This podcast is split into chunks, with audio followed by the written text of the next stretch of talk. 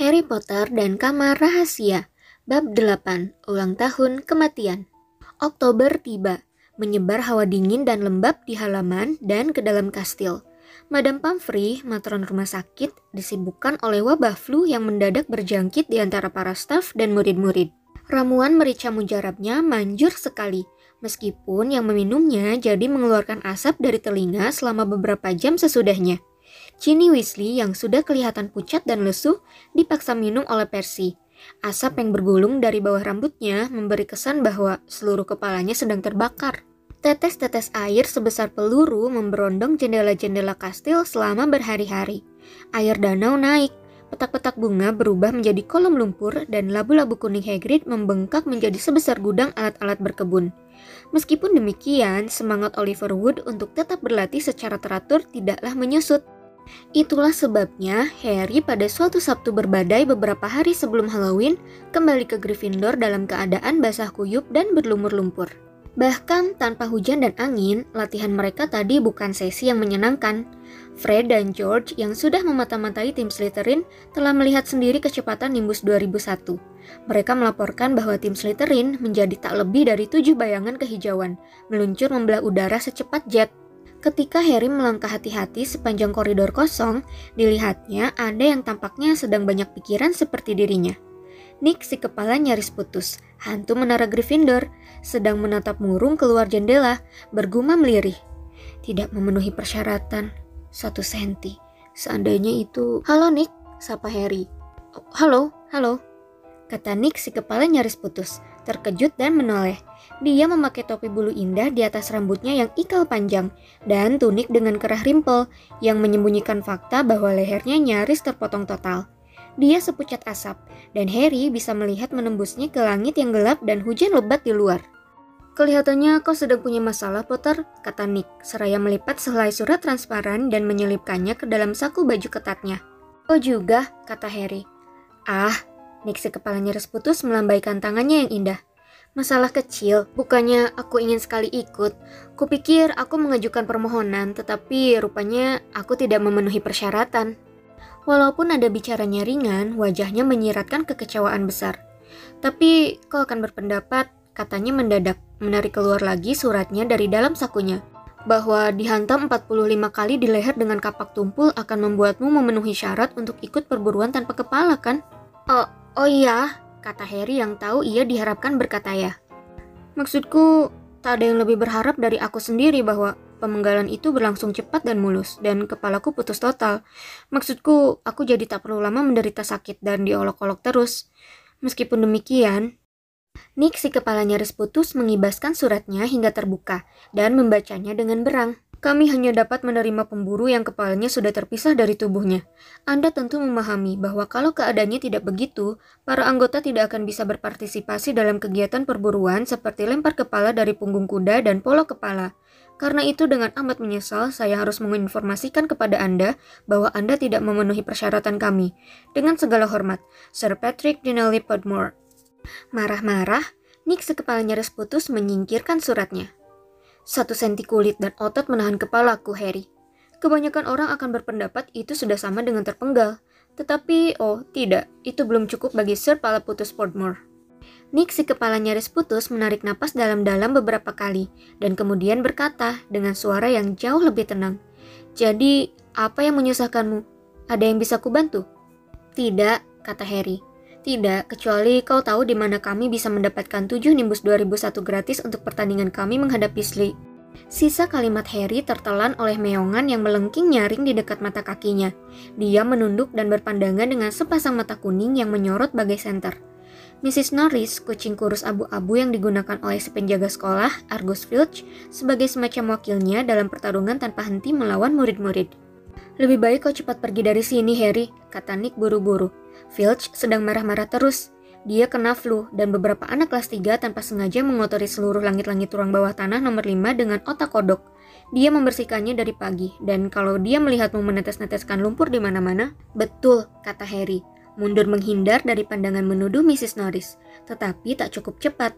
Tertarik ke tempat itu oleh kekuatan misterius yang kelihatannya menghubungkannya dengan kucingnya yang menyebalkan, Argus Filch mendadak muncul dari permadani gantung di sebelah kanan Harry, mendesah-desah dan memandang liar berkeliling mencari si pelanggar aturan.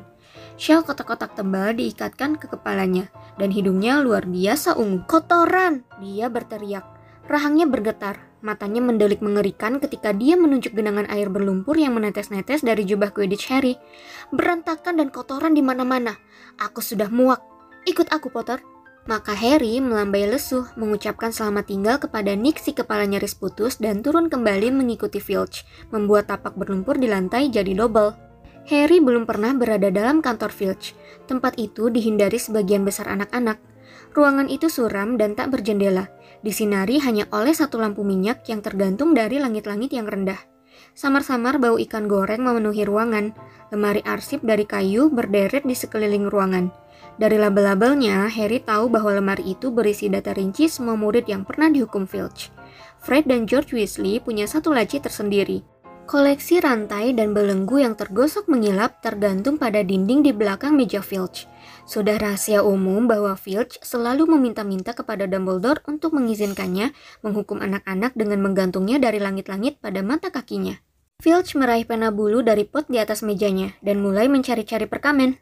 Tinja binatang, gumamnya berang, upil naga panas besar-besar, otak kodok, usus tikus, sungguh kelewatan. Mana formulirnya ya? Dia menarik keluar gulungan besar perkamen dari laci mejanya dan membentangkannya di depannya, mencelupkan pena bulu hitamnya yang panjang ke dalam botol tinta. Nama Harry Potter. Kesalahan. Cuma sedikit lumpur, kata Harry. Cuma sedikit lumpur bagimu, nak, tapi bagiku itu berarti kerja tambahan satu jam menggosok lantai. Teriak Filch. Ada ingus yang sudah bergetar mau jatuh di ujung hidung bawangnya. Menjijikan sekali. Kesalahan membuat kotor kastil. Hukuman yang disarankan. Sambil mengelap hidungnya yang beringus, Filch memandang galak Harry dengan mata menyipit. Harry menunggu jatuhnya vonis hukumannya dengan napas tertahan. Tetapi ketika Filch merendahkan penanya, terdengar gubrak keras di langit-langit kantornya, hingga membuat lampu minyaknya bergoyang. Pips! gerung Filch, membanting penanya dengan murka. Kutangkap kau kali ini, kutangkap kau. Dan tanpa menoleh kepada Harry, Filch berlari meninggalkan kantornya. Mrs. Norris melesat mengiringinya. Peeves adalah hantu jahil sekolah, makhluk melayang-layang menyeringai yang selalu menyebabkan malapetaka dan kesulitan. Harry tidak begitu menyukai Peeves, tapi mau tak mau berterima kasih untuk gangguannya yang tepat waktu. Mudah-mudahan apa pun yang dilakukan Peeves dan kedengarannya dia telah merusakkan sesuatu yang besar kali ini, akan mengalihkan perhatian Filch dari Harry. Berpendapat bahwa dia mungkin harus menunggu kembalinya Filch, Harry duduk di kursi yang sudah dimakan ngengat di sebelah meja. Ada satu benda lain di atas meja selain formulirnya yang baru setengah terisi.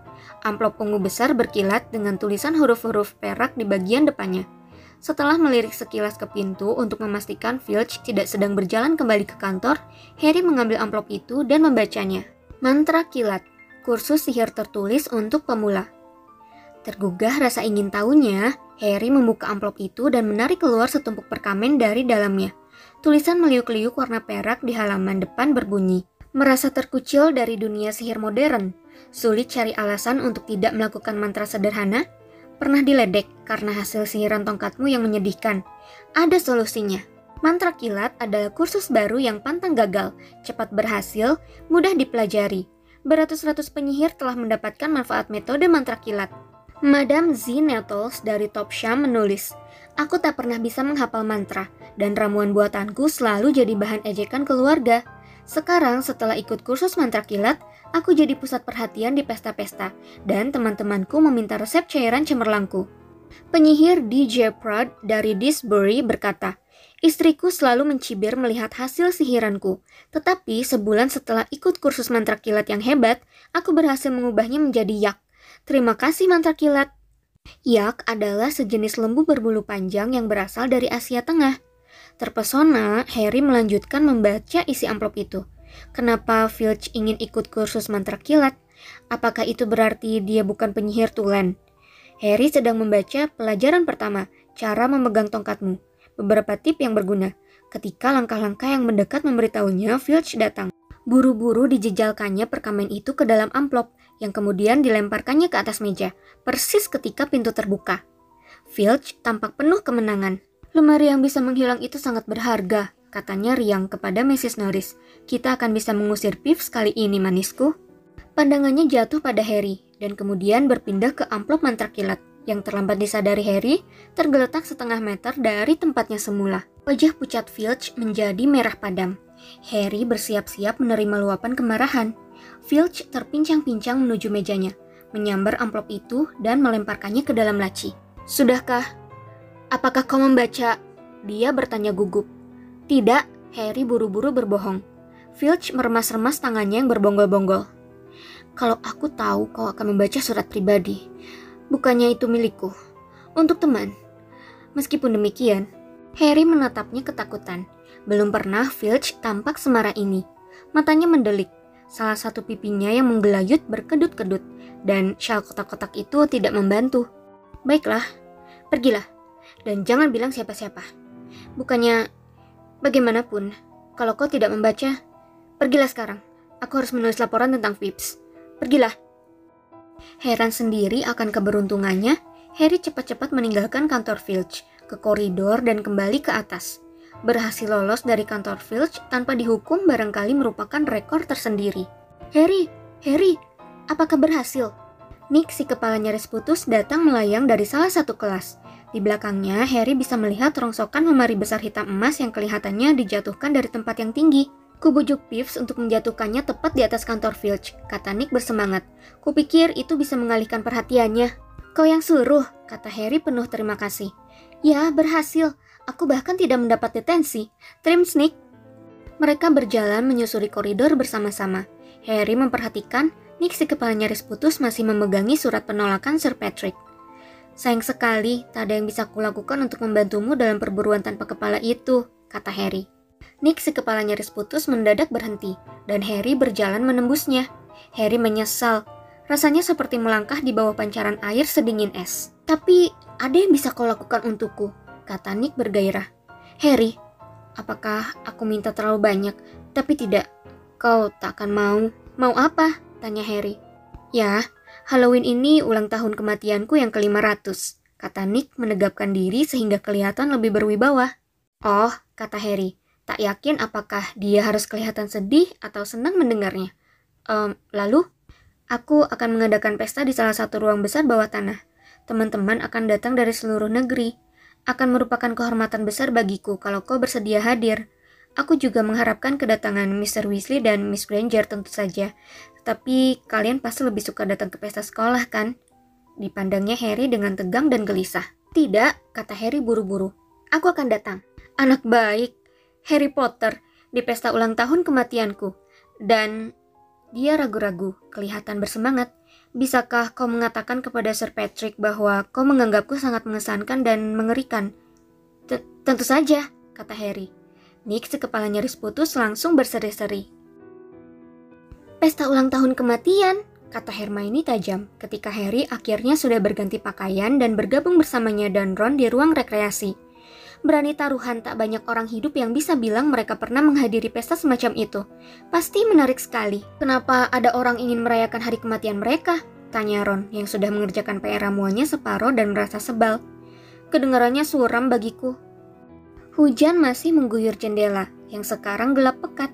Tetapi di dalam segalanya kelihatan terang dan cerah. Perapian menerangi kursi-kursi berlengan yang empuk, tempat anak-anak duduk membaca mengobrol, mengerjakan PR, atau dalam kasus Fred dan George berusaha mencari tahu apa yang terjadi jika kau memberi makan salamander kembang api filibuster. Fred telah menyelamatkan kadal berwarna jingga cerah yang tinggal di api itu dari kelas pemeliharaan binatang-binatang gaib. Dan salamander itu sekarang tergeletak mengepul di atas meja, dikelilingi anak yang ingin tahu. Harry baru saja akan memberitahu Ron dan Hermione tentang Filch dan kursus mantra kilat ketika salamander itu mendadak terbang mendesis ke atas, mengeluarkan bunga api, dan meledak-ledak sambil berputar-putar liar di ruangan. Melihat Percy yang berteriak-teriak memarahi Fred dan George sampai serak, Pertunjukan spektakuler bintang-bintang jingga keemasan yang tercurah dari mulut si salamander dan si salamander sendiri yang menyelamatkan diri ke dalam api diiringi ledakan-ledakan membuat Filch dan mantra kilat terlupakan dari pikiran Harry. Saat Halloween tiba, Harry menyesali janji untuk datang ke pesta ulang tahun kematian yang diucapkannya tanpa pikir panjang. Teman-temannya gembira menyambut datangnya pesta Halloween. Aula besar sudah didekorasi dengan kelelawar-kelelawar hidup seperti biasanya. Labu-labu kuning raksasa Hagrid sudah diukir menjadi lentera yang cukup besar untuk diduduki tiga orang. Dan ada gosip bahwa Dumbledore telah memesan rombongan penari tengkorak untuk hiburannya. Janji harus ditepati, Hermione mengingatkan Harry dengan gaya ngebos. Kau sudah berkata akan datang ke pesta ulang tahun kematian. Maka pukul 7 malam itu, Harry, Ron, dan Hermione berjalan melewati pintu aula besar yang sudah penuh anak. Lilin-lilinnya yang berkelap-kelip dan piring-piring emasnya berkilat-kilat mengundang. Mereka mengarahkan langkah menuju ruang bawah tanah. Lorong menuju ke tempat pesta Nixie kepala nyaris putus juga sudah diterangi dengan deretan lilin, meskipun efeknya jauh dari cerah, karena lilinnya adalah lilin-lilin runcing hitam pekat, dengan nyala biru, menyiramkan cahaya suram kematian bahkan ke wajah-wajah mereka yang masih hidup. Semakin jauh mereka memasuki lorong, hawa semakin dingin, Ketika Harry bergidik dan merapatkan jubahnya, didengarnya bunyi seperti seribu kuku menggaruk papan tulis besar. Apa itu maksudnya musik? Bisik Ron. Mereka membelok di sudut dan melihat Nick si kepala nyaris putus berdiri di depan pintu bertirai beludur hitam. Teman-temanku yang baik, katanya Pilu. Selamat datang, selamat datang. Senang sekali kalian bisa datang. Dengan gerakan gesit, dibukanya topinya yang berbulu. Lalu dia membungkuk mempersilahkan mereka masuk. Pemandangan yang menyambut mereka sungguh luar biasa. Ruang bawah tanah itu penuh beratus-ratus orang seputih mutiara transparan. Sebagian besar melayang-layang di atas lantai dansa yang penuh. Berdansa waltz mengikuti irama 30 gergaji musik yang berbunyi gemetar mengerikan. Dimainkan oleh rombongan orkes di panggung yang lantainya bertutup kain hitam. Kandil di atas menyinarkan cahaya biru tua dengan seribu lilin hitam. Napas mereka berubah menjadi kabut di depan mereka. Rasanya seperti melangkah masuk ke dalam lemari es. Bagaimana kalau kita melihat-lihat? Harry mengusulkan, ingin menghangatkan kakinya. Hati-hati, jangan sampai melangkah menembus orang, kata Ron gugup. Dan mereka berjalan di tepi lantai dansa.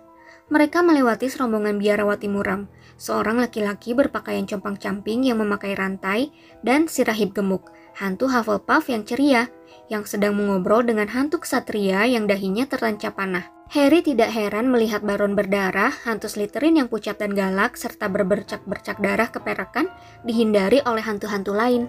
Oh tidak, kata Hermione, berhenti mendadak. Balik-balik, aku tak mau bicara dengan Martel Merana. Siapa? Tanya Harry ketika mereka buru-buru berbalik. Dia menghantui toilet anak perempuan di lantai dua, kata Hermione. Dia menghantui toilet? Ya, toilet itu sudah rusak selama setahun ini karena dia marah-marah terus dan membuat toilet itu kebanjiran. Sebisa mungkin aku tidak masuk ke toilet itu. Mana enak kalau kita ke belakang digerocoki dia yang meratap-ratap. Lihat, makanan, kata Ron. Di salah satu sisi ruangan ada meja panjang, bertaplak beludru hitam juga. Mereka mendekati meja itu dengan bersemangat, tetapi detik berikutnya langsung berhenti. Ngeri. Baunya sangat menjijikan. Ikan-ikan besar busuk disajikan di atas nampan perak indah. Kue bolu yang hangus jadi arang bertumpuk di atas piring.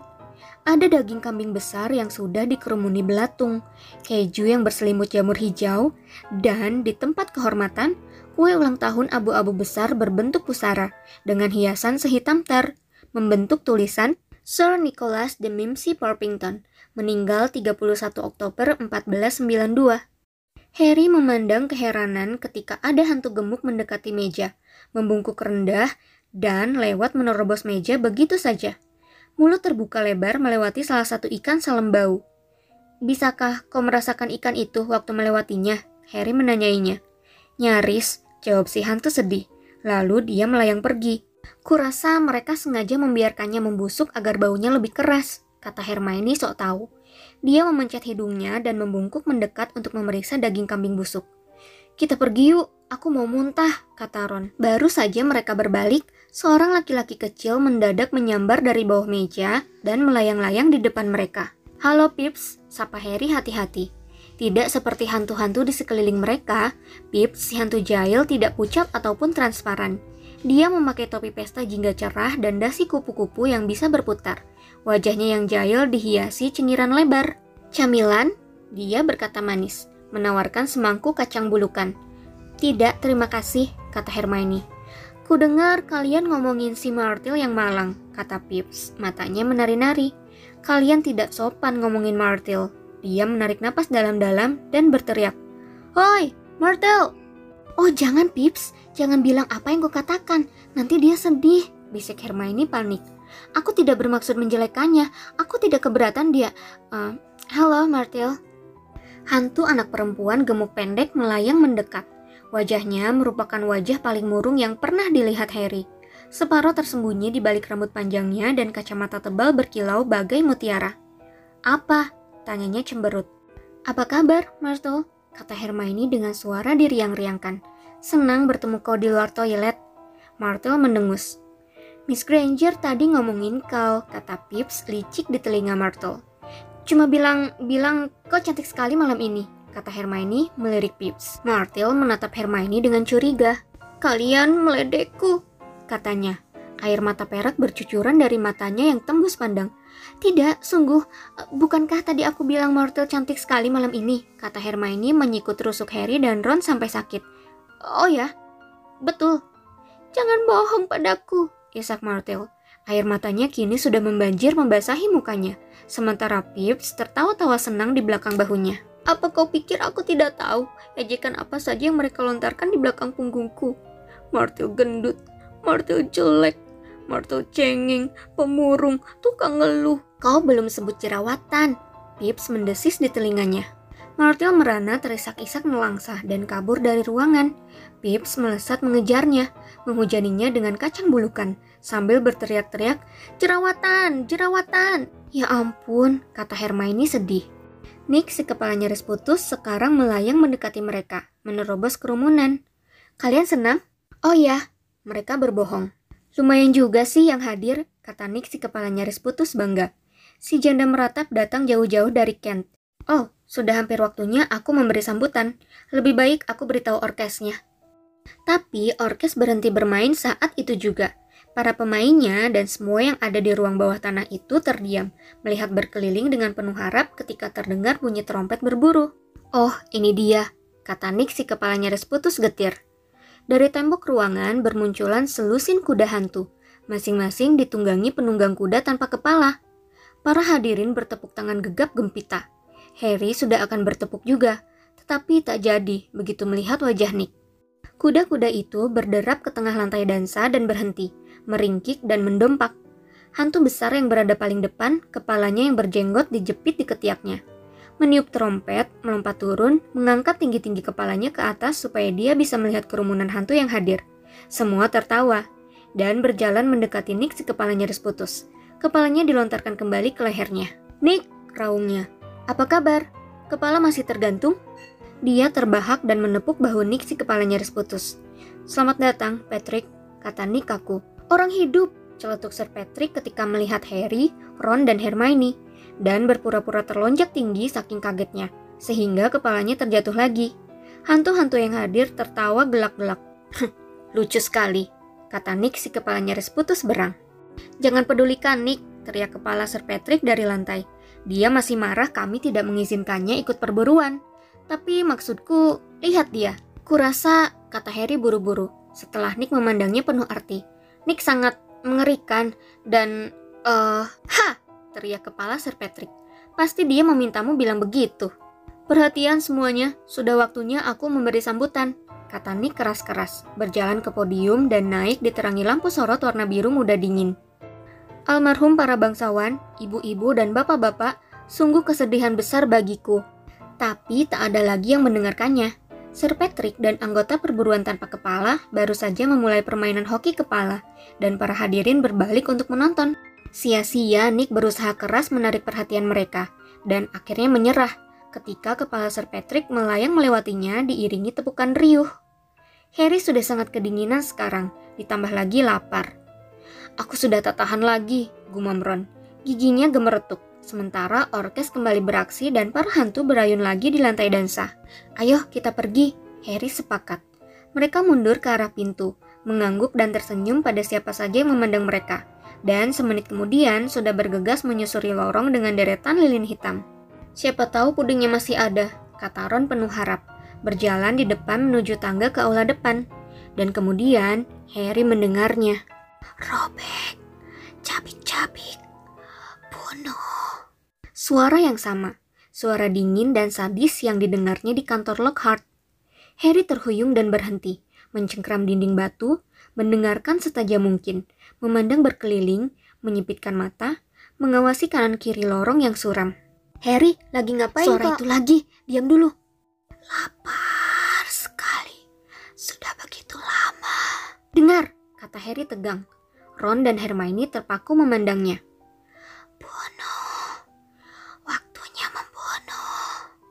Suara itu semakin samar-samar. Harry yakin siapa pun yang bicara itu semakin menjauh, bergerak ke atas. Ketakutan bercampur kegairahan mencengkamnya ketika dia menatap langit-langit yang gelap. Bagaimana mungkin suara itu bisa bergerak ke atas? Apakah itu hantu? Sehingga langit-langit batu bukan hambatan baginya. Ke sini, dia berteriak, lalu berlari menaiki tangga, memasuki aula depan. Tak ada gunanya berharap mendengar sesuatu di sini. Celoteh anak-anak yang sedang pesta Halloween terdengar dari aula besar. Harry berlari menaiki tangga puala menuju ke lantai satu. Ron dan Hermione ikut naik di belakangnya. Harry, apa yang ki... Shh, Harry menajamkan telinganya.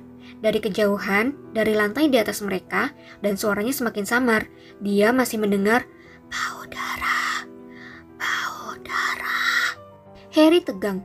Dia mau membunuh orang, teriaknya. Mengabaikan wajah Ron dan Hermione yang kebingungan, dia menaiki tangga berikutnya. Tiga anak tangga sekali langkah, berusaha mendengarkan di antara entakan langkah kakinya sendiri. Harry berlari mengelilingi seluruh lantai dua. Ron dan Hermione tersengal-sengal di belakangnya, tidak berhenti sampai mereka membelok di sudut yang menuju koridor terakhir yang kosong. Harry, ada apa sebetulnya? Tanya Ron menyeka keringat dari wajahnya. Aku tidak mendengar apa-apa. Tetapi Hermione mendadak terpekik kaget, menunjuk ke ujung koridor. Lihat! Ada yang berkilau di dinding di depan. Mereka mendekat, perlahan, menyipitkan mata menembus kegelapan. Huruf-huruf setinggi 30 cm dipulaskan di dinding di antara dua jendela, berkilau ditimpa cahaya obor-obor yang menyala. Kamar rahasia telah dibuka. Musuh sang pewaris, waspadalah. Apa itu? Yang tergantung di bawahnya, kata Ron. Suaranya agak bergetar. Ketika mereka semakin dekat, Harry nyaris jatuh terpeleset. Ada genangan besar air di lantai. Ron dan Hermione menyambarnya dan mereka melangkah hati-hati mendekati tulisan. Mata mereka terpaku pada bayangan gelap di bawahnya. Ketiganya langsung menyadari apa itu dan melompat ke belakang membuat air menciprat. Mrs. Norris, kucing si penjaga sekolah, digantung pada ekornya dari siku-siku tancapan obor. Tubuhnya kaku seperti papan, matanya terbeliak. Selama beberapa detik mereka tidak bergerak. Kemudian Ron berkata, "Ayo, kita pergi dari sini. Tidakkah sebaiknya kita mencoba menolong?" kata Harry canggung. Percayalah padaku, kata Ron, kita tak ingin ditemukan di sini. Tetapi sudah terlambat. Bunyi gemuruh seakan ada guru di kejauhan memberitahu mereka bahwa pesta sudah usai. Dari kedua ujung koridor terdengar bunyi ratusan kaki yang menaiki tangga, juga celoteh riang dan keras anak-anak yang perutnya kenyang. Saat berikutnya, anak-anak bermunculan dari kedua ujung koridor. Celoteh, obrolan, gurauan, mendadak berhenti ketika anak-anak yang di depan melihat kucing yang tergantung itu. Harry, Ron, dan Hermione berdiri bertiga di tengah koridor, sementara kesunyian menyelubungi anak-anak yang maju berdesakan, ingin melihat pemandangan mengerikan itu. Kemudian, ada yang berteriak memecah keheningan. Musuh sang pewaris, waspadalah. Giliranmu berikutnya darah lumpur.